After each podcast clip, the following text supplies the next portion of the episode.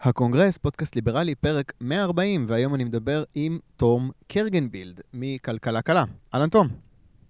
היי ניב, מה קורה?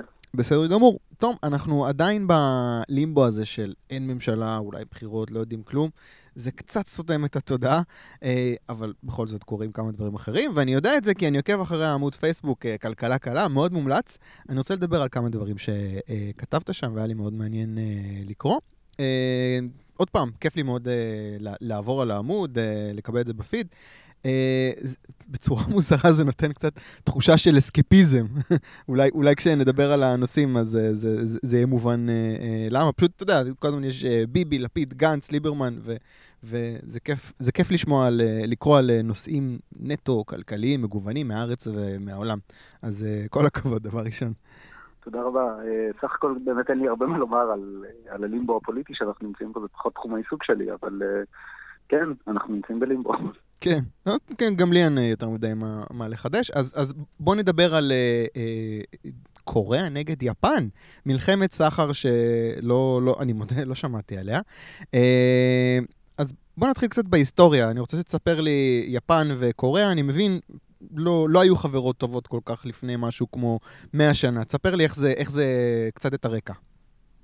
כן, בגדול הסיפור של יפן וקוריאה זה שיפן כשהתחילה להפוך למעצמה יותר חזקה כחלק מההתפתחות הכלכלית שלה אה, בסוף המאה ה-19, אז היא התחילה גם אה, להיות אה, אימפריאליסטית והתחילה לכבוש בעצם מדינות אחרות וכמובן הגיעה לקוריאה.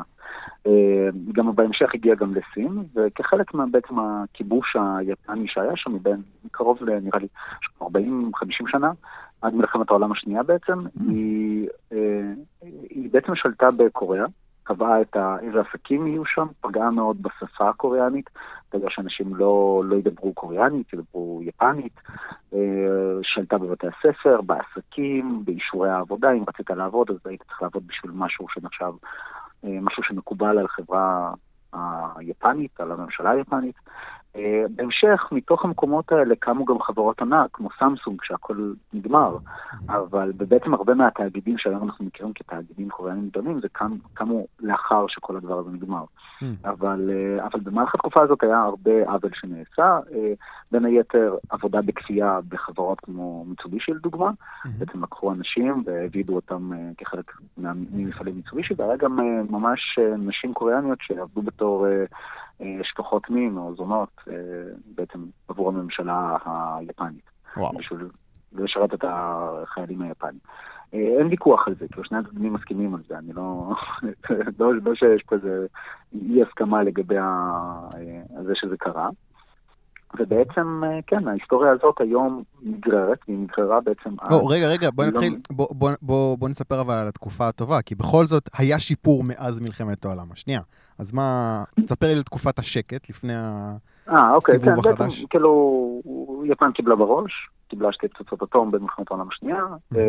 נכבשה אה, על ידי ארצות הברית, ואז הפכה למדינה עצמאית, התחילה במגמה חדשה. אה, והתחיל מין, וגם קוריאה התחילה להתפתח, בעצם דרום קוריאה התחילה להתפתח, אה, להיות כלכלה עצמאית משל עצמה, ולאט לאט הדבר הזה בעצם אה, ככה חיזק קצת היחסים, התחלו, בסך הכל יש קשר בין המדינות האלה, זה מדינות שכולן מגיעות מתרבות צינית, mm-hmm. שהשפיעה על כל האזור הזה, אז הן כולן מושפעות ממנו בצורה, יש, יש הרבה ערכים דומים, בוא נגיד ככה. Mm-hmm. אבל ברקע תמיד היה את הדבר הזה של ה, שיפן לא הכירה בנושא הזה, בעוול שהיא עשתה לקוריאה, במיוחד בתחום של אנשים אה, שעבדות אה, אה, מין של נשים קוריאניות. במשך תקופה מאוד ארוכה, לקח הרבה זמן, ובעצם אנחנו ככה מתגלגלים כבר אל שנות האלפיים. אוקיי. Okay. ואז בשנות, בשנת 2015 לדעתי, כמה שאני זוכר, בעצם שינזו אבה, ראש הממשלה היפני ש... שעכשיו נמצא בשלטון, mm-hmm. בעצם הוא, הוא הגיע להסכם מול אה, ראש ממשלת אה, קוריאה, שהם שמים את כל הביקורת אחד על השני בצד, וממשלת יפן תשקיע איזה 10 מיליון דולר או משהו כזה בשביל לפצות את מי שנשאר בחיים. ודברים בסגנון הזה, ויותר לא ידברו על זה, וכאילו יסכימו, היא ביקש סליחה, הכירו, וזה. הבעיה זה ש... בש... שינזו אבה ובכללי הפוליטיקה היפנית הכניסה גם הרבה אה, את הנושא הזה של אה, אה, הלאום היפני והגאווה היפנית, ושלא הכל היה נורא, והיפנים לא כאלה נוראים כמו שמתארים אותם, והרבה גאווה לאומית. ובעצם יש גם בצד היפני וגם בצד הקוריאני אנשים שלא קיבלו את ההסכם הזה. הוא מבחינתם לא, הוא, הוא לא מוצא, בין אם זה לא מספיק פיצויים, בין אם זה מלכתחילה יפן לא צריכה, אין לה על מה להתנצל. המון המון דברים כאלה, ובגדול ההסכם הזה היה מאוד רעוע. וברגע שהתחלף השלטון בדרום קוריאה, והגיע ראש ממשלה חדש, הדבר הראשון שהוא עשה, הוא בעצם ביטל את ההסכם הזה. אה, ומשם כאילו מתחילה ההידרדרות, בעצם ההידרדרות יחסים הזאת. וזה עוד ועוד מהלכים כאלה שבעצם קורים. אה, ואז עוד מהלך שקרה זה שבעצם יפן אה, החליטה לאסור על מכירת כימיקלים, כמה, שלושה כימיקלים קריטיים לייצור פלאפונים אל קוריאה, מחברות יפניות לחברות קוריאניות, ובעצם אה, הטיעון היה שהחברות הקוריאניות מכרו את זה לצפון קוריאה. אה, והדבר הזה גם יצר אה, אה, ביקורת, כאילו ביקורת חריפה בין המדינות.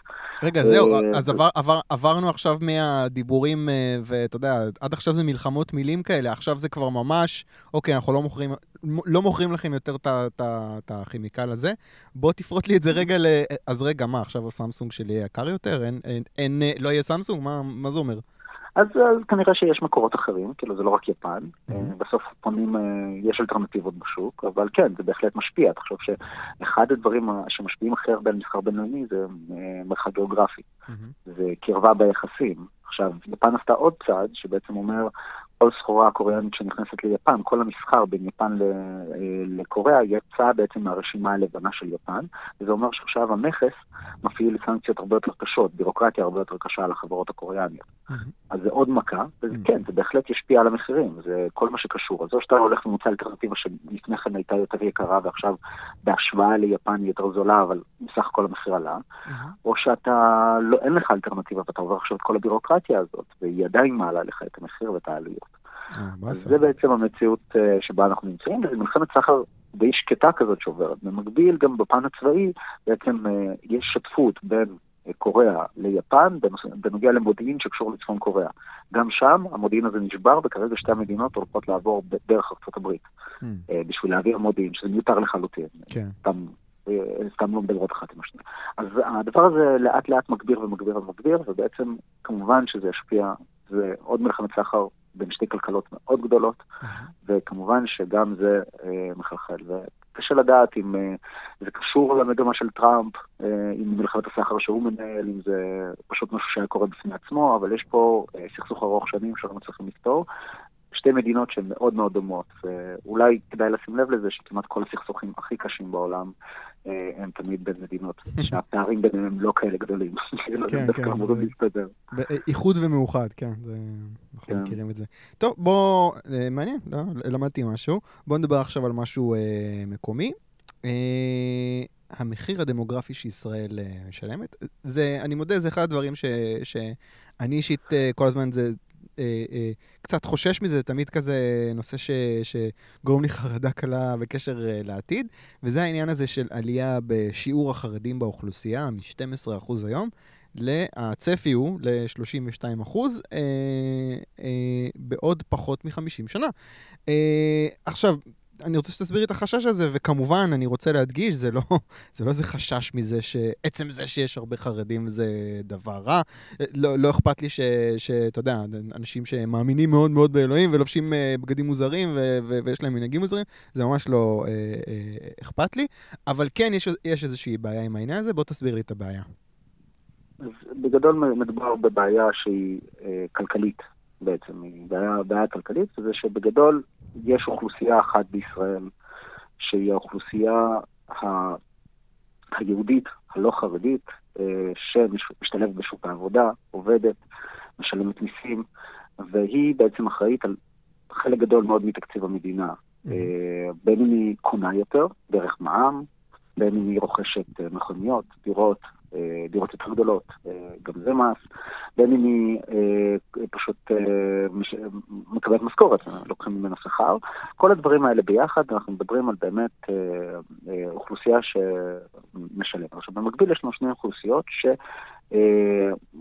פשוט משלמות פחות מהשירותים שהן מקבלות. עכשיו, כשאנחנו מדברים על שירותים שהן מקבלים, אנחנו, קודם כל אנחנו מדברים על האוכלוסייה הערבית ועל האוכלוסייה אה, החרדית, שתי אוכלוסיות שונות עם בעיות שונות, צריך להתייחס אליהן בנפרד. אבל אם נתייחס רגע לאוכלוסייה החרדית, mm-hmm. בעצם מדובר על אוכלוסייה שלא משתלבת בשוק העבודה, מביאה הרבה מאוד ילדים. בעצם אנחנו מדברים על מספרי ילודה אה, מהגבוהים בעולם, בטח במערב, בעצם המדינות היחידות שמגיעות למספרים של 6.9 ילדים בעולם, אלו אה, מדינות אה, שנמצאות במדבר סהרה, העניות ביותר בעולם, ילדים מתים, ובעצם אחוזי התמותה של הילדים מאוד גדולים, אז צריך להביא עוד, כמה וכמה ילדים, כאילו, זה בגדול המודל, וזה מאוד מאוד בעייתי מבחינת ה, מה אנחנו... בעצם מה, מה החרדים לוקחים מהמדינה ומה הם נותנים בחזרה.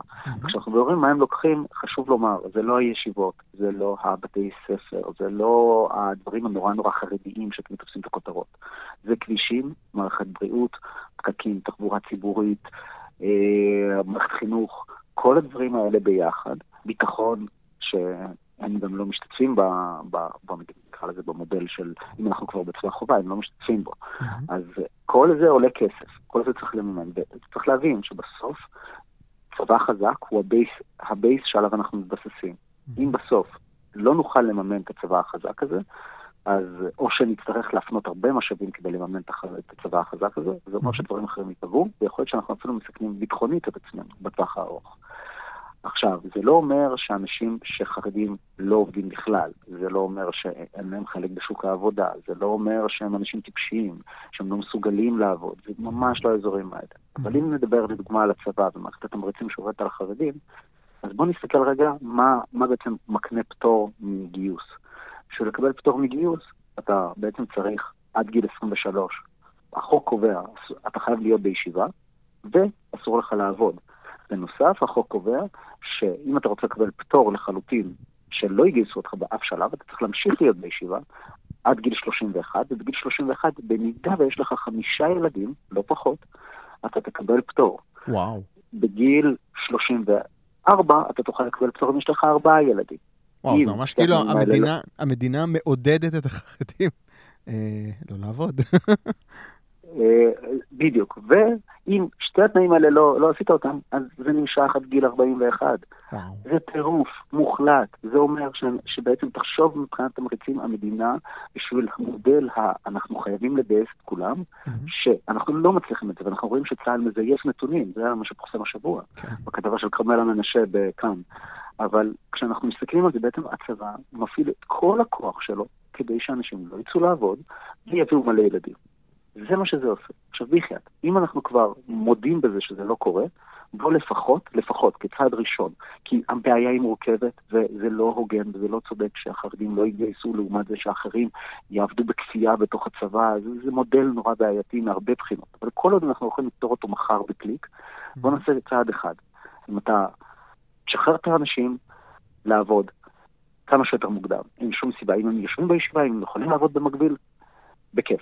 תלכו כן, לעבוד, וככה אתם עושים. אני, שמעתי פשוט הצעה, אתה יודע, יש משהו לא הוגן בזה שלתת להם את הפטור אה, ושיעבדו כבר מגיל 18, בסדר, אז תן להם את הפטור מגיל 21. 21 וחצי, אתה יודע, משהו, אבל 41 זה באמת uh, טירוף. לא, אז, אז אנחנו, לא, הפטור מעבודה הוא רק עד גיל 23, זה חשוב לומר. אחרי זה אתה יכול לעבוד, כן? אה, כאילו, אוקיי. מעל גיל 23 אתה יכול לעבוד, שזה לא כזה, זה, אבל זה עדיין, תחשוב, גיל 23 זה כבר, אתה הוספת עוד שנתיים לעומת חייל. כן. טוב, יאללה, שכנעתי, 18. זה 18, אין, אין באמת טעם בזה. ודבר שני, תוריד את התלות הזאת בילדים. מה הקשר של, של הילדים? סיימת, אם החלטת שישיבה מחליפה צבא, שתהיה שלוש שנים, סיימת את הישיבה בשלוש שנים, זהו, שוחררת מצה"ל. נכון, זה לא הוגן, זה לא כיף. בוא, במקביל, תחשוב איך אתה פותר את הבעיה הזאת. אבל הדבר הזה, הוא, הנזק הכלכלי שלו למדינת ישראל הוא פשוט עצום, עצום, עצום, עצום. ואנחנו, והוא מעודד אנשים גם לא לעבודה, גם להביא מלא ילדים. זה אפילו לא שאלה של מה אתה מרוויח בעקבות כל מיני uh, תמיכות. דרך ילדים, כמו תמיכות דרך המיסים, דרך כל מיני דברים שאתם קוראים ביטוח לאומי, כל מיני קצבאות, אה, דרך זה שהילדים האלה בעצם צריכים מערכת בריאות, מערכת חינוך, הכל, הכל זה עולה כסף. מעבר לסוגיה הזאת, אתה פשוט אומר לבן אדם, תקשיב, זה או שאתה הולך לצבא, ארגון שאתה לא רוצה שום חלק בו, או שאתה מביא ילדים. זה נורא, זה מנגנון פשוט נוראי. עכשיו אני רוצה לשאול אותך שאלה... במיוחד לחילונים, במיוחד לחילונים אה, שצריכים לממן. זה, זה ברור. עכשיו אני רוצה ש... בוא, בוא נעשה רגע אה, ספקולציה. אה, העניין הזה שהאופי של הקהילה החרדית, ההתבדלות הזאת ולהביא אה, הרבה ילדים, כן, בסדר, יש את העניין הזה של אה, חוקים של המדינה ש, שמעודדים את זה, אבל אתה יודע, גם בניו יורק, נגיד, הקהילות החרדיות אה, אה, מתבדלות. אה, השאלה שלי זה, אם מגיע מצב, שבאמת עוברות ה-50 שנה האלה, ומגיע מצב שהחרדים כבר מהווים, אה, לא רוב, אבל מתקרבים להיות קבוצה מאוד מאוד מאוד אה, משמעותית. אתה חושב שהשינוי הזה יכול להגיע מבפנים אצלם, שבאיזושהי נקודה מישהו יקום שם ויגיד, טוב, תשמעו, אנחנו עכשיו אה, נהיים פה הרוב, אנחנו לא יכולים להמשיך אה, אה, במודל הזה. מה דעתך? זה, זה, זה, איזשהו שינוי שיכול להגיע מבפנים, או שרק, אני יודע, החילונים מבחוץ יכולים לכפות את זה במרכאות?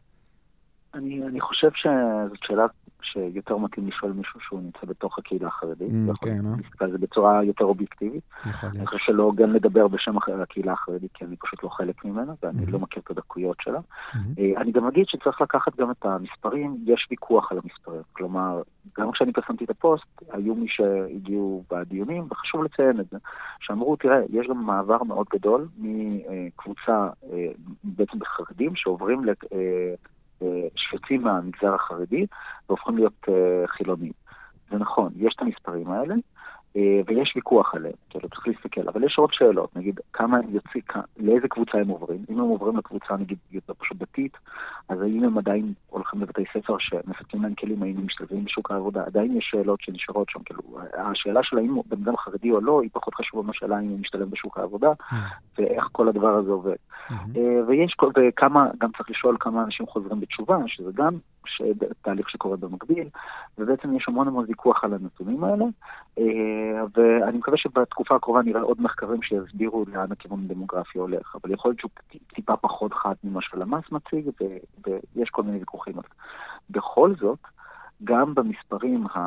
אה, או היותר גדולים שהסתכלתי על האופטימיים יותר, זה עדיין לא נראה כל כך אופטימי. כי אז בסדר, אז זה יהיה, עדיין הקבוצה החרדית גדלה ועדיין הקבוצה הלא יהודית קטנה, וכבר היום אנחנו בעצם, כאילו כבר היום אנחנו משלמים מחיר גדול מעצם זה שפשוט המגזר החרדי לא משתלב בשוק העבודה. כדי להבין את זה, מספיק להסתכל על הנתון של uh, הכלכלנית הראשית, שפרסמה שבעצם אם היום המגזר החרדי והערבי היו משתלבים בשוק העבודה, היינו באותה רמת חיים, היינו מעל ברמת החיים, מעל פינלנד ומעל קנדה.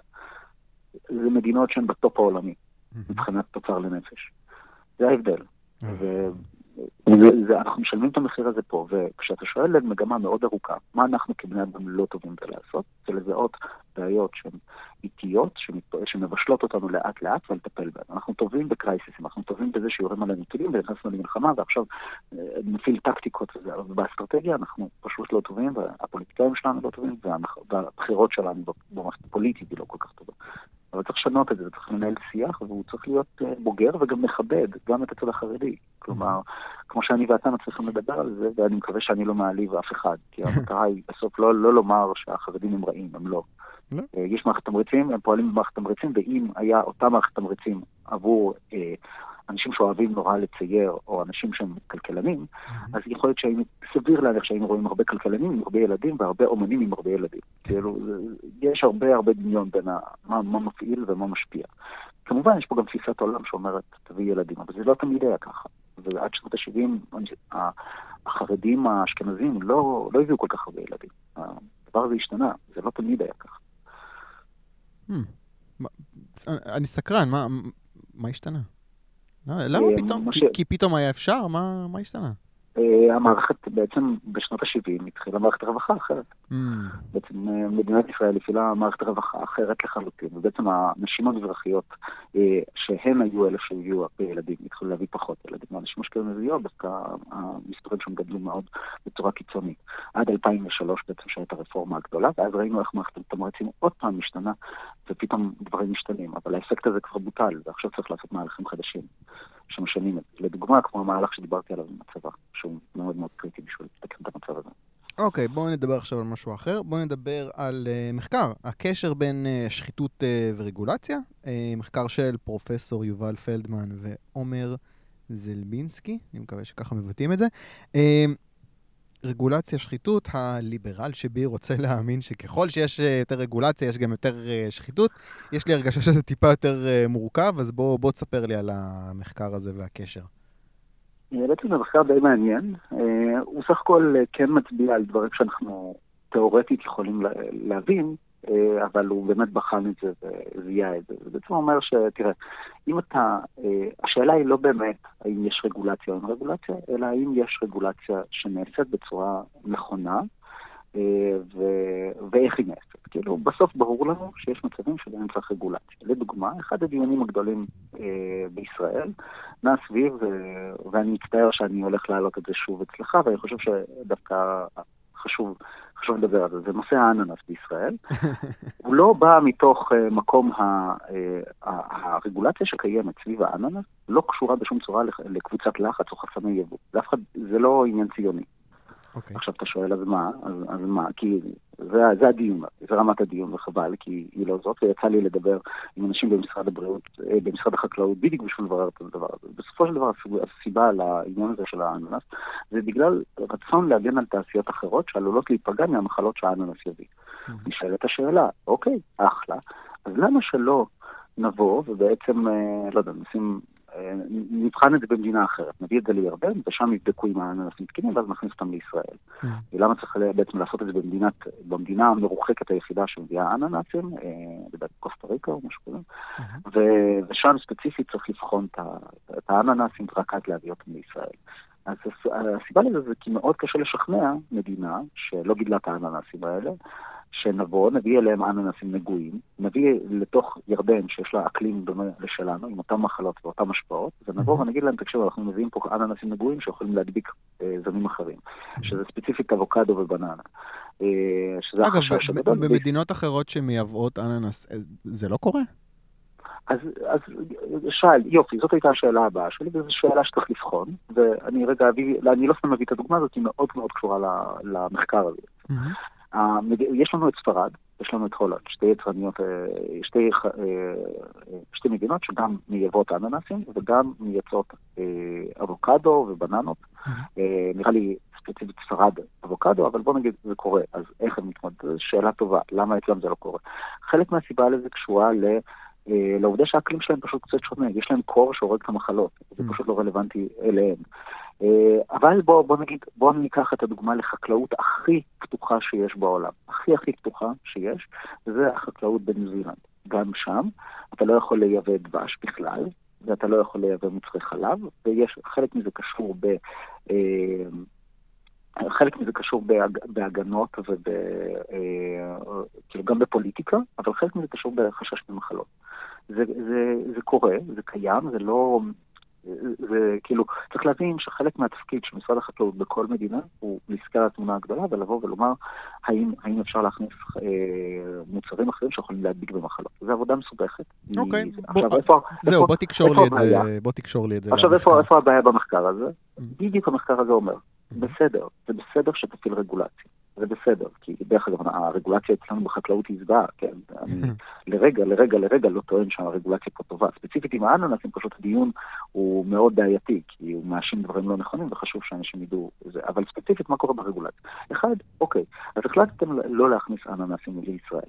בואו, תהיו שקופים לגבי זה. תפרסמו רשימה של כל הפירות והירקות שמותר ואסור להכניס. וש...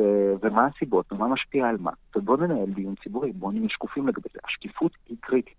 דבר שני שהמחקר הזה אומר, כל הרגולציה, אם אתה עסק, ואתה בעצם, אה, אה, כדי שהרגולציה תהיה אפקטיבית ולא תיצור שחיתות ולא ת, תביא, ואיזה פקיד יקבל שוחד כדי להכניס איזה משהו, אתה תגרום בכלל שהפקיד הזה לא יהיה רלוונטי. תעשה הכל דרך האינטרנט, תיצור טפסים פשוטים. שבכלל לא יהיה מגע, שלא תדבר עם אנשים, שתוכל לעשות את זה כמה שיותר שקוף, לקבל את התשובות, לקבל ודאות, זה מאוד מאוד קריטי. עכשיו, כשבסוף אתה מגיע לאיזה פקיד, והוא אומר לך, תקשיב, אתה תבנה מפעל, משפט אמיתי ששמעתי, אתה תבנה מפעל, mm-hmm. אני, אחרי שתבנה אותו איך שאתה רוצה, אני אבוא ואגיד לך מה עשית לא בסדר. אמיתי. עכשיו, איך לא תהיה שחיתות? בוא תסביר לי איך, כי בסוף מה אתה אומר? כשבניתי מפעל, השקעתי חצי מיליון שקל בשביל לבנות מפעל. אכפת לי לשלם עוד עשרה אלף שקל כדי שהוא יעביר אותי את הבחינה? כדי שהוא לא, לא יבקש את הדברים הלא נכונים. זה, זה מה שקורה, וככה נוצרת שחיתות. כשהרגולציה היא לא ודאית, לא שקופה, לא ברורה, כשבסוף זה תלוי בגחמה של איזה מישהו. זה הכי גרוע שיכול להיות. ו... אז אני רק, ו... רוצה, ו... אני רק רוצה לחדד את המסר פה. אז אני מבין שבעצם המסקנה של המחקר הזה, זה שזה לא שרגולציה תגרום לשחיתות, זה שרגולציה שהיא לא ברורה, זה מה ש... זה, זה, זאת הבעיה. אתה אומר שקיפות זה העניין. רגולציה, כוח יתר לפקידים מסוימים, בשילוב עם חוסר שקיפות אה, וחוסר בהירות וקונסיסטנטיות בין גופים שונים, היא זאת שיוצרת שחיתות. תבוא, תשים עכשיו פטור ממע"מ על בגדי ילדים, לדוגמה, סתם רגולציה פשוטה שאתה יכול לעשות, אנגליה עשתה את זה, מה היא גילתה? שפתאום חנויות אה, בגדים למבוגרים מוכרות אה, חליפות לילדים מאוד מאוד גדולים. פתאום יש לך ילדים שתי מטר. אתה מבין, ככה עובדת רגולציה גרועה, כשאתה יוצר יוצאי דופן. תבוא, תשים מס אחיד על הכל, פחות בעיה. אה, וחשוב, פשטות, בהירות, ו- וכמה שפחות מגע עם, ה- עם הפקיד והחלת אה, הדעה האישית שלו ברגולציה הספציפית הזאת. זה פשוט הכי גרוע שיכול להיות. אה, אני רוצה שנדבר עכשיו, אני קצת אה, עושה mix אה, בנושאים, כי אני לא רוצה שייקח לנו אה, אה, יותר מדי זמן, אבל אני כן רוצה לדבר על אה, מפעל אמיליה קוסמטיקס, שהעובדים בו היו מאוגדים בהסתדרות, אה, ועשו מהלך מאוד לא שגרתי כשהמפעל אה, נקלע לקשיים בתקופה האחרונה. ההנהלה הודיעה שהוא כנראה ייסגר. תספר לי קצת על הקשיים של המפעל ומה המהלך שהעובדים בחרו לעשות. אז בגדול מדובר במפעל קוסמטיקה, חלק מהדברים שהוא... אה, זה מפעל קוסמטיקה שמתמודד עם תחרות די קשה, אה, חלק מהתחרות הזאת מגיעה גם אה, מחברות בינלאומיות שפועלות בצורה יותר רגילה. בכל מקרה, באיזשהו שלב המפעל אמר, תקשיבו, הכל טוב ויפה שאנחנו עובדים בפריפריה, זה לא משתלם, אנחנו חייבים לסגור את המפעל הזה. כי פשוט לא משתלם לנו לייצר בארץ, והדרך היחידה שלנו כן להמשיך לייצר, היא להעביר את המפעל למדינה אחרת. התגובה של ועד העובדים הייתה, לא אכפת לנו מכלום, אתם לא, אתה יודע, התגובה הרגילה, ישר רצים לתקשורת, שביתה, אנחנו לא נתפשר על כלום, זה הכל ספינים של ההנהלה. ומה שקרה זה שבעצם בשלב מסוים העובדים באמת הבינו שהם הולכים לאבד את מקום העבודה, שההנהלה רצינית, אין מה לעשות, זה לא משתלם כלכלית, אנחנו הולכים לסגור את המפעל. והם בעצם החליטו להחליף את הוועד. הם, חשוב לציין, לפני כן, לפני כן עוד שנה, כאילו משהו כמו, כאילו בשנת 2018 עוד, הם בעצם עברו מההסתדרות להסתדרות הלאומית. כי גם שם היה סכסוך גדול לגבי התנאים ומה הם יכולים לקבל וזה, ואז, אבל המהלך הזה ספציפי שקשור לשביתה, הם בעצם החליפו רק את הוועד הפנימי. Mm. הם הגיעו להסכם שהוועד הוועד שמייצג אותם הוא... רגע, רגע, אני רוצה, אני רוצה להבין פה את הסדר של הדברים. אז היה המשבר, ואז הם עברו להסתדרות הלאומית, או שהם קודם עברו להסתדרות הלאומית, ואז... לא, קודם כל הם עברו להסתדרות הלאומית, ואז היה את המשבר. Mm, אוקיי, הבנתי. אה, טוב, תשמע, אז אה, פה ציינו, צי... אמרנו ההסתדרות, אה, וההנחה הייתה שזה ההסתדרות הכללית. לא, לא, במקרה הזה ספציפית זה לא הוועד של ההסתדרות הכללית שהיה מיליטנטי נכון, נכון, נכון, ראש בקיר, זה, זה הוועד של ההסתדרות הלאומית. כן, כן, אני, אני אישית לא, לא חושב שההפרדה ביניהם היא כל כך מוצדקת, סך הכל שתי גופים שמאוד דומים בהרבה, בהרבה מובנים, כן. למרות שהם ש... שונים, אבל בסדר, אתה, זה נכון, חשוב לציין, זה ההסתדרות הלאומית, mm-hmm. ובאמת הלכו עם ראש בקר, אבל זה, יותר הוועד, כי ההסתדרות הלאומית, האמת היא פעלה פה בסדר גמור, היא כאילו נתנה בעצם לאנשים סך הכל להחליף את הוועד, אה, והם החליטו... אה, זהו, אני, אני כש, כש, כשקראתי את זה אני באמת הופתעתי, אמרתי, רגע, אני יודע שכשמנסים להחליף ועד זה לא עובר כל כך חלק, אז מה, אם זה ההסתדרות הכללית זה יותר קשה? תעשה לי רגע את ההבדלה פה. אה, אני, אני לא יודע, אני לא יודע מה היה קורה, כי mm-hmm. שוב, זו דקות מעניינת, אבל מה שכן, המעבר בין ההסתדרות להסתדרות הלאומית הייתה פחד אלוהים, היה שם מלחמות מאוד קשות. בבית, בית הדין לעבודה, וטענות על כל מיני רמאויות, ואיך שכנעו. בקיצור, לא, לא חיובי בכלל המעבר הזה, זה לא, לא התקבל טוב. Okay. אוקיי. אבל בוא, בוא נגיד עכשיו, אם נחזור לעובדים, בעצם העובדים החליטו שהם יקצצו בתנאים שלהם, לא בשכר, בתנאים, שבעצם אה, עדיין עלים כסף, ו, אה, ובתמורה לזה כאילו לא יסגרו את המפעל. בעצם הם התחילו בשותפות ביחד עם העסק להבין, אוקיי, איך אנחנו יוצאים מהמשבר הזה ואיך אנחנו מייצרים בצורה יותר יעילה, ואיך אנחנו עושים את זה תוך, תוך כדי שאנחנו שומרים על מקומות העבודה. שזאת דוגמה נפלאה לאיך ועד עובדים צריך לעבוד. וזה בסדר גמור שוועד העובדים למעשה יביט ביחד עם העסק, כי מה התפקיד של ועד העובדים? הוא להיות עוד בעצם נציג אל מול ההנהלה במטרה הזאת של גם שהחברה תצליח. ועד עובדים טוב יודע שאם החברה פורחת, אז גם העובדים פורחים. סך הכל, המטרה שלו זה לדאוג שהחברה תצליח, ואז לקחת את החלק, להעביר חלק אולי יותר גדול ממה שהעובדים היו משיגים לעצמם, מתוך ההצלחה הזאת. אבל כשיש כישלונות, אז זה אומר שגם העובדים צריכים לשאת בנטל הזה, זה לא יכול להיות שרק צד אחד. ונכון, יכול להיות שאתה יכול להגיד, טוב, תפטרו את מי שאתם רוצים, או תעבירו את המפעל, אבל דווקא זה בסדר שהם באו ויגידו, אוקיי, אז אנחנו רוצים להתחרות מול האלטרנטיבה של להקים מפעל, זה עולה כסף, זה לוקח זמן, זה סיכון. והנה, אנחנו נבוא, אנחנו נצמצם בתנאים שלנו ונעזור, והמפעל יהיה תחרותי. כן, אבל... שוב, יכול להיות שזה... זהו, יכול להיות שזה לא יעזור. יכול להיות שזה, אתה יודע, אני, אני, אני שומע סיפורים כאלה ואני אומר, אוקיי, אחלה, זה, זה, אני שמח שזה קורה, אבל אין פה איזה ערובה שזה יעבוד. יכול להיות שזה לא יספיק, לא? והמפעל עדיין יצטרך להיסגר, כן? לא, צריך נכון, להיות... נכון, כן. נכון, וזאת החלטת ההנהלה, וזה בסדר גמור שההנהלה תחליט. אוקיי, יכול להיות שזה לא מספיק נמוך, יכול להיות שאנחנו עדיין צריכים להיסגר, אבל בסוף מדובר באנשים, ואם המנהלים של החברה הזאת מספיק אחראי ויכולים להסתכל על המספרים ולהגיד, אוקיי, זה בסדר, זה מסתדר לנו ואנחנו יכולים לגרום לזה לעבוד, אני לא רואה סיבה שלא. זה לא כזה נורא לבוא ושזה יקרה. יכול להיות שזה בדיוק מה שהיה צריך כדי שגם העובדים יבינו שאוקיי, במקום שנתנגד להכנסה של איזה מכונה שתחליף אה, כך וכך עובדים, אבל תאפשר לנו לייצר יותר ולהיות יותר יעילה, אולי ההתנגדות הזאת זה המחשבות. שוב, קשה מאוד לדעת, כי בסוף הדיונים האלה בתקשורת מאוד רדודים, על האם, אה, האם יהיה בריכה בטיול חופשה או לא יהיה בריכה בטיול חופשה, זה לא הרמה. כאילו, זה, יש פה דברים רציניים, וסך הכל בסוף, אני חושב שהאינטרס של העובדים זה שהחברה שלהם תצליח. אם החברה פורחת, הכל טוב, ואנחנו צריכים פה מפעלים חזקים. וכן, זה אומר להשתפר, ויש מפעלים בפריפריה שמצליחים, הם יצואנים גדולים לעולם, ואין סיבה שזה לא יהיה גם, גם עם המפעל הזה, אבל צריך להבין מה המודל, מה הלקוחות, וגם להודות, יכול להיות שהעסק ייכשל, זה בסדר גמור. גם אם העסק ייכשל, אז נכשלו. לפעמים יש התנהלות לא טובה, לפעמים כולם עושים טעויות. ואז צריך לחשוב מה, מה עושים הלאה, אבל זה המודל. אנחנו לא מדינה ענקית, אפשר להתנייד ולמצוא מקום עבודה אחר. האבטלה מאוד נמוכה, זה לא, לא משבר עצום עכשיו שזהו, אי אפשר לצאת ממנו. אני, אני, אני סימנתי לעצמי לנסות לעקוב אחרי הפעם הבאה שיש מישהו, שיש איזשהו מפעל שהוועד שלו בהסתדרות והוא מנסה לעזוב את הוועד. אה, אני רוצה שנדבר על עוד משהו שקשור בענייני אה, פנים.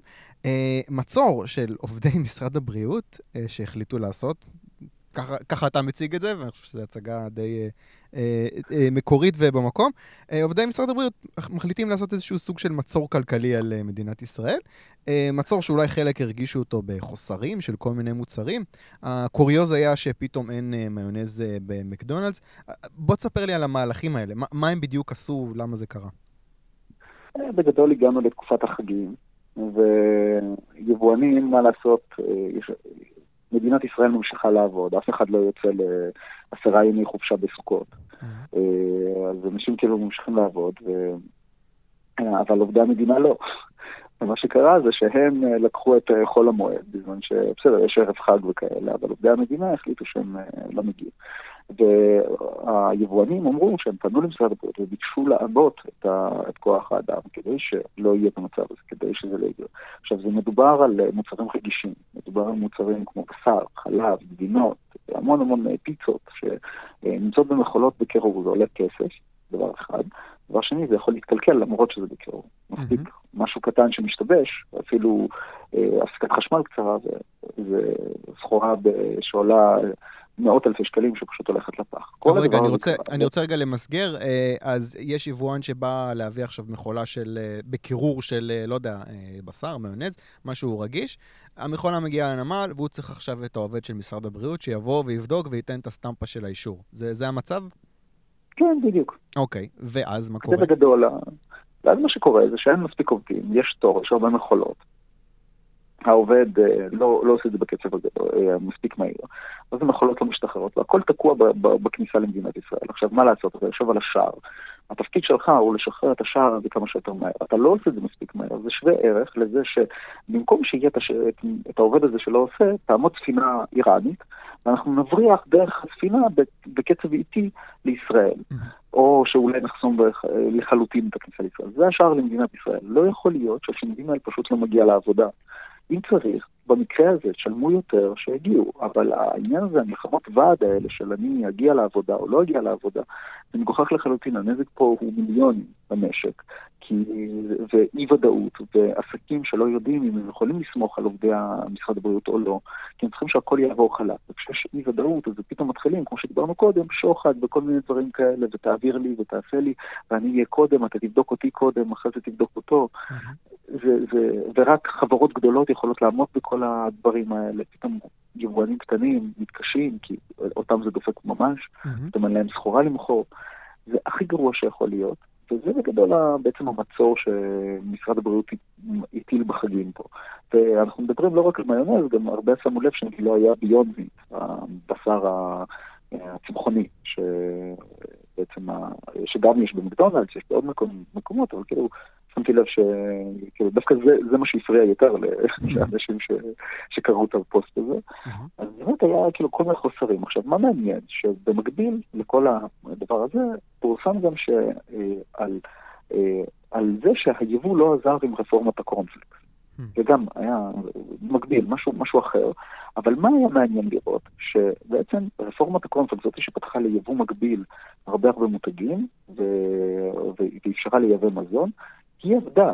איפה היא לא עבדה? היא לא עבדה במזונות הרגישים, ששם הרגולציה גדלה. ואז בעצם האיזון בין השתיים גרם לזה שבממוצע המזון עדיין נשאר גבוה. אבל ה... מה זה הוכיח? זה הוכיח שכשאתה מצמצם רגולציה, אתה עושה אותה יעיל ואתה לא מפריע, המחירי המזון יורדים. אז מה אנחנו עושים בעצם? מה משרד הבריאות עושה? הוא קודם כל פוגע בבן אדם הכי חלש ומסכן, שבסוף קונה מזון, והוא לא מקבל מזון במדינת ישראל. למה? כי לא, לא תגיד משהו בריאותי, משהו אידיאולוגי, משהו שאפשר להצדיק איכשהו ברגולציה. זה פשוט ממקום נטו של אני לא אגיע לעבודה כי יש חגים. סבבה, עם זאת, אם העובד הספציפי הזה לא מגיע, אחד, אפשר לשלם לו, אפשר לגייס עובדים אחרים, אפשר לעבוד בצורה גמישה. ומספיק עם טרור הוועדים הזה, שכאילו תנאי העובדים הם מעל הכל. אוקיי, אז אני רוצה... אני רוצה לשאול משהו בקשר לטרור ועדים, אבל לפני זה, אני לא שומע אותך כל כך טוב, אתה יכול לעשות אולי לשפר מיקום, אני שומע אותך קצת, יש לי כזה הפרעה. אה, זה המעבר להוט.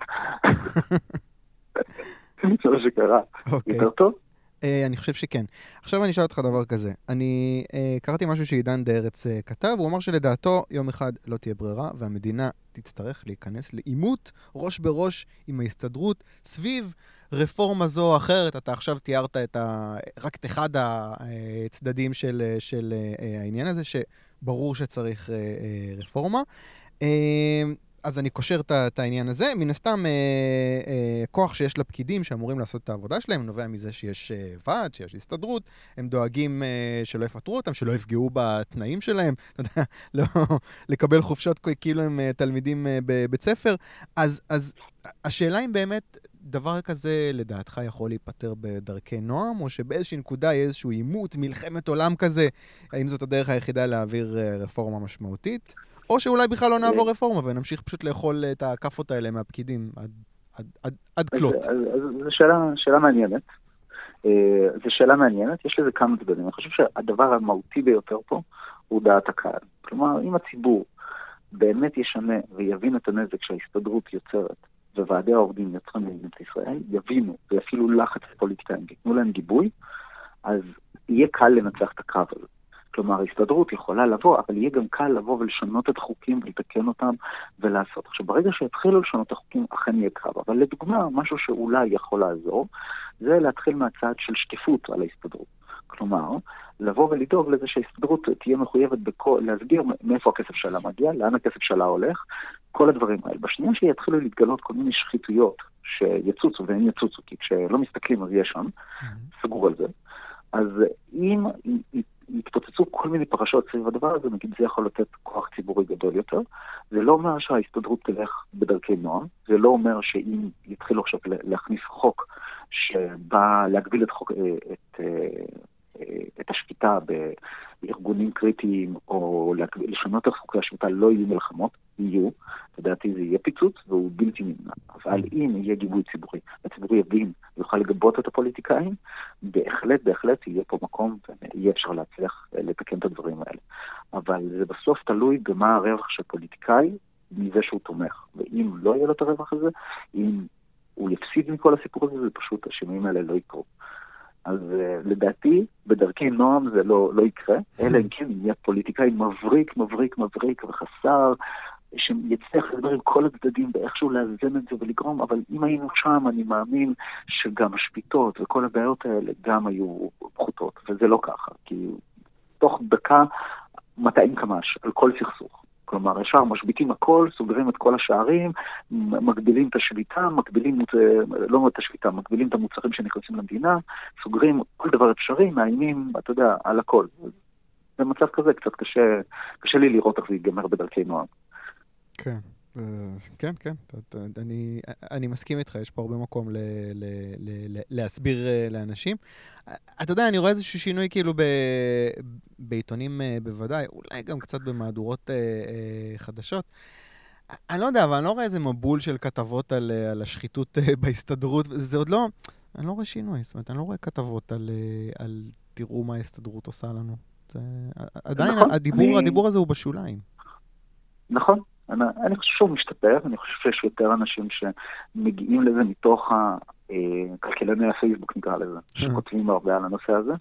זה עדיין לא מספיק, אנחנו עדיין צריכים לעשות עבודה הרבה יותר רחבה, זה צריך להגיע גם לתקשורת המיינסטרימית, אבל uh, זה לוקח, זה עבודה, זה לוקח זמן, אנחנו פה, לפחות אני, כאילו, פה לטווח הארוך, ואני חושב שאפשר לשנות את דעת הקהל.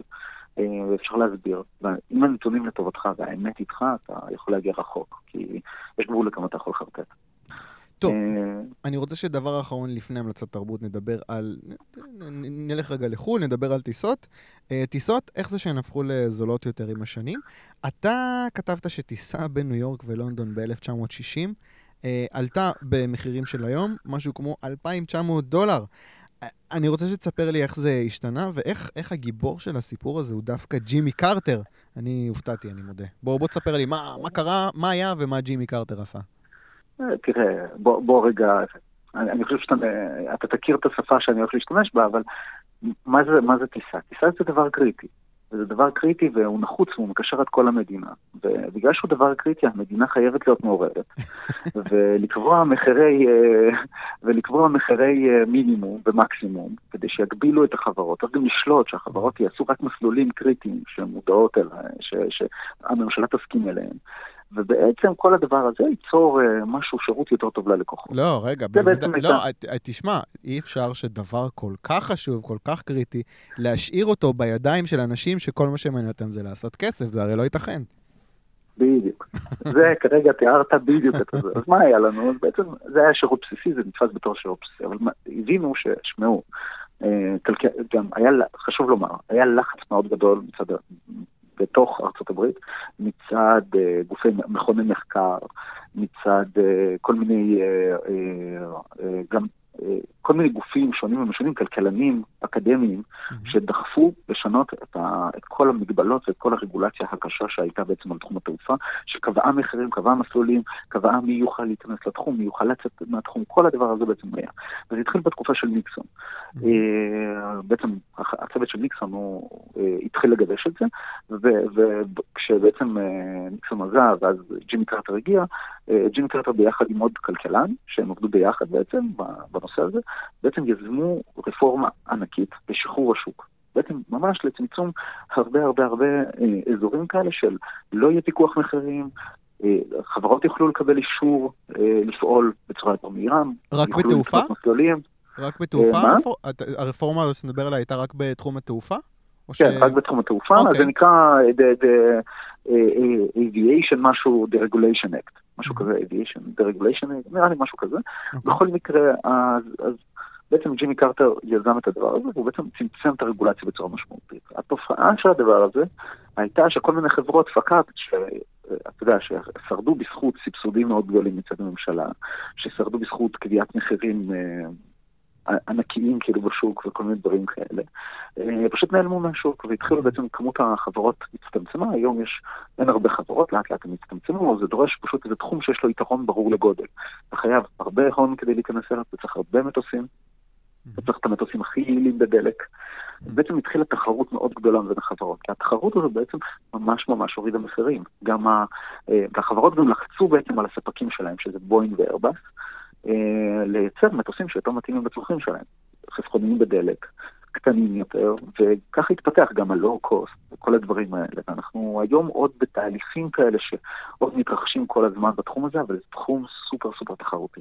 אה, אתה יודע, אני מתפלא איך אה, כל פעם כשהתרסק אה, מטוס לא קם איזה מישהו ואמר, אתם רואים, זה מה שקורה כשעושים דה-רגולציה.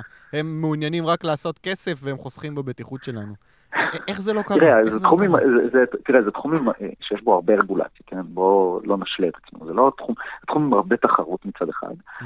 וגם הרבה רגולציה. בעצם כל פעם שמטוס כזה נוחת, יש גוף נפרד בארצות הברית שכל המטרה שלו היא לבחון מה קרה, ללמוד לקחים, והתחום הזה של הסקת המסקנות בצורה נכונה ובריאה היא מאוד מאוד, אה, כאילו, הגוף הזה מאוד מפורסם בזה. ובאמת, אה, אה, כל, כל דבר כזה, מה שהיה עכשיו עם הבואינג, שבעצם שתי הבואינגים שקרסו, זה שיבש לחלוטין תחום התעופה, אבל דווקא שם מדברים על זה שהגוף הזה, הרגולטור הזה כשל, mm-hmm. ודווקא הרגולטור הסיני היה הראשון שבעצם אסר על, ה, על הפעולה של המטוסים האלה, mm-hmm. עד שהבינו את זה.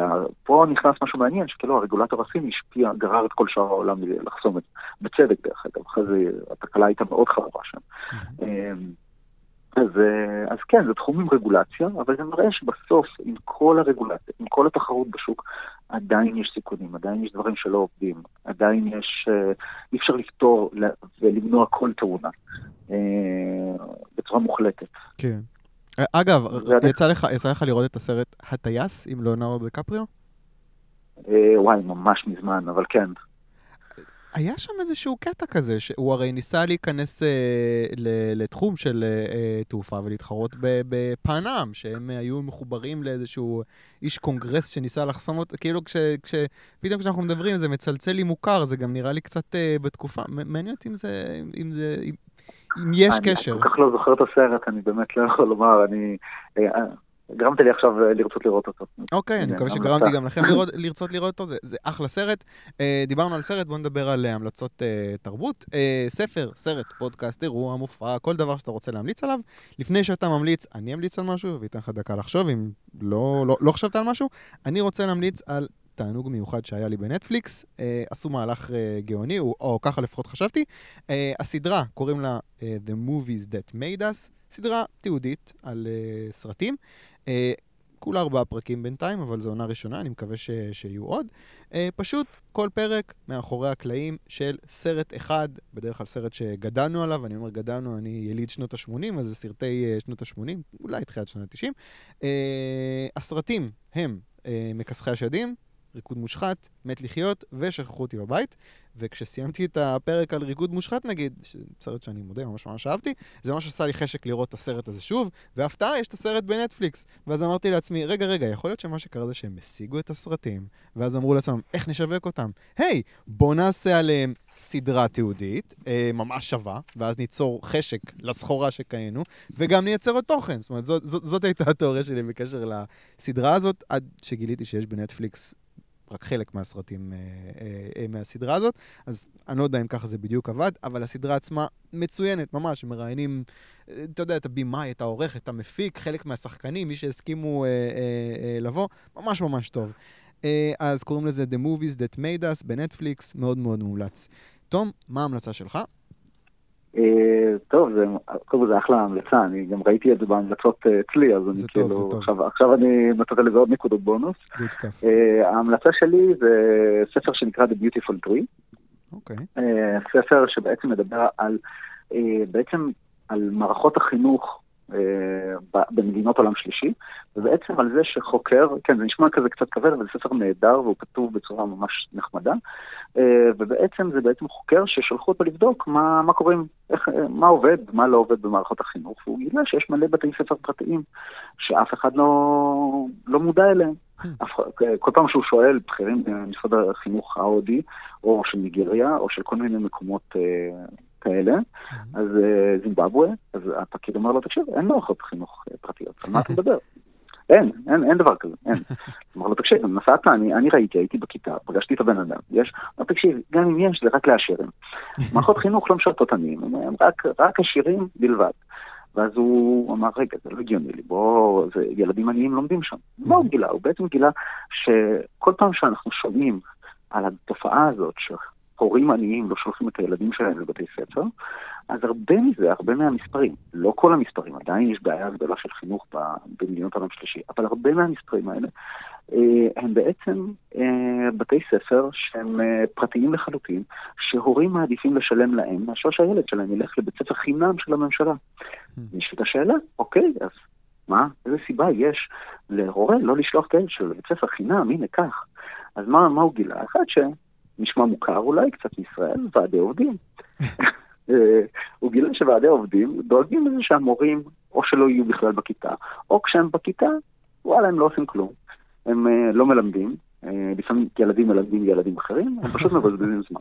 כשהורים מסתכלים על זה, הם אומרים, מה יש לי לשלוח את הילד למקום הזה שלא תורם לו שום, שום דבר. התחילו יוזמות, התחיל שוק פרטי. שלא שאל אף אחד ולא קיבל אישורים מאף אחד, ופשוט פתחו בתי ספר במקומות הכי שכוחי אל שאפשר. זאת אחת הסיבות, זו גם עוד אחת הסיבות, שלדוגמה בסין, שהכחישה בכל תוקף שיש לה בתי ספר פרטיים, התגלה שיש בתי ספר פרטיים במקומות מאוד מרוחקים, שפשוט הממשלה לא מגיעה אליהם, או בכלל לא חושבת עליהם, כי שר החינוך בכלל לא מסתכל על האזורים העניים האלה, מה אכפת לו, זה, זה לקטורט יש שם. אז תראה, זה גם סין, אז בכלל, כן. מה יש לבחור שם? אז אה, לא, אז, אז אתה, כאילו, כשאתה מסתכל על הדבר הזה, אתה פשוט, הוא מראה לך היקף מאוד מאוד גדול של שוק פרטי, שלא רק שתורם, הוא תורם לעניים ביותר, הוא דואג להם, וההורים גם מסבירים שנגיד, המ, ה, קודם כל, הבתי ספר הפרטיים האלה, הרבה פעמים נותנים מלגות ליתומים שנשארו בלי הורים. הם פשוט מממנים להם את הלימודים בחינם, אומרים בוא תצטרף, אין לך הורים, נשארת לבד, בוא תלמד. דבר שני, המורים שם הרבה יותר טובים, הם נבחנים, יש מצלמות בכיתות כדי לוודא שהמורים אה, אה, עושים את העבודה שלהם. ובעצם מה שהספר הזה מתאר הוא מנגנון מאוד קריטי של הורה יכול לקחת ולסרב לשלם למנהל, המנהל רוצה להרוויח כסף, ואם הוא לא ייתן מענה לצרכים של ההורה, אז ה... אה, בעצם ההורה יעזור אותו. מהצד כן. השני, המנהל מעסיק מורה, ואם המורה לא נותן מענה למנהל, שמנסה לתת מענה להורים, בעצם המורה מפוטר. ככה נוצר מנגנון של אחריות שלא קיים במדינות אחרות. כנ"ל כן, דרך אגב. ככה זה כשמתייחסים לחינוך, כאילו זה מוצר אה, כעגבניה. חינוך זה לא עגבניה. אולי, אולי הגיע הזמן שנתייחס לחינוך כמו עגבניות. כן, אז, אז הספר הזה הוא מרתק, אני רק נתתי פה טעימה ממש קצרה מהסיפור הקטן הזה. לדעתי, כדאי, כדאי ממש להכיר את הסיפור הזה. אה, מי הסופר? ו... אתה זוכר? אה, שכחתי את השם, אבל הספר שלו, אה, הכותרת ממש פשוטה, זה The Beautiful Tree, אה, אז אני אשלח לך אפילו אחרי זה, בהערות. אני אשים את הקישור המלא בפוסט פייסבוק של, הפרק, מי שרוצה להסתכל. אז יש לנו את The, Beautiful Tree ו-The Movies That Made Us בנטפליקס, זה ההמלצות שלנו. תום קרגנבילד מכלכלה קלה. תודה רבה רבה. תודה רבה לך.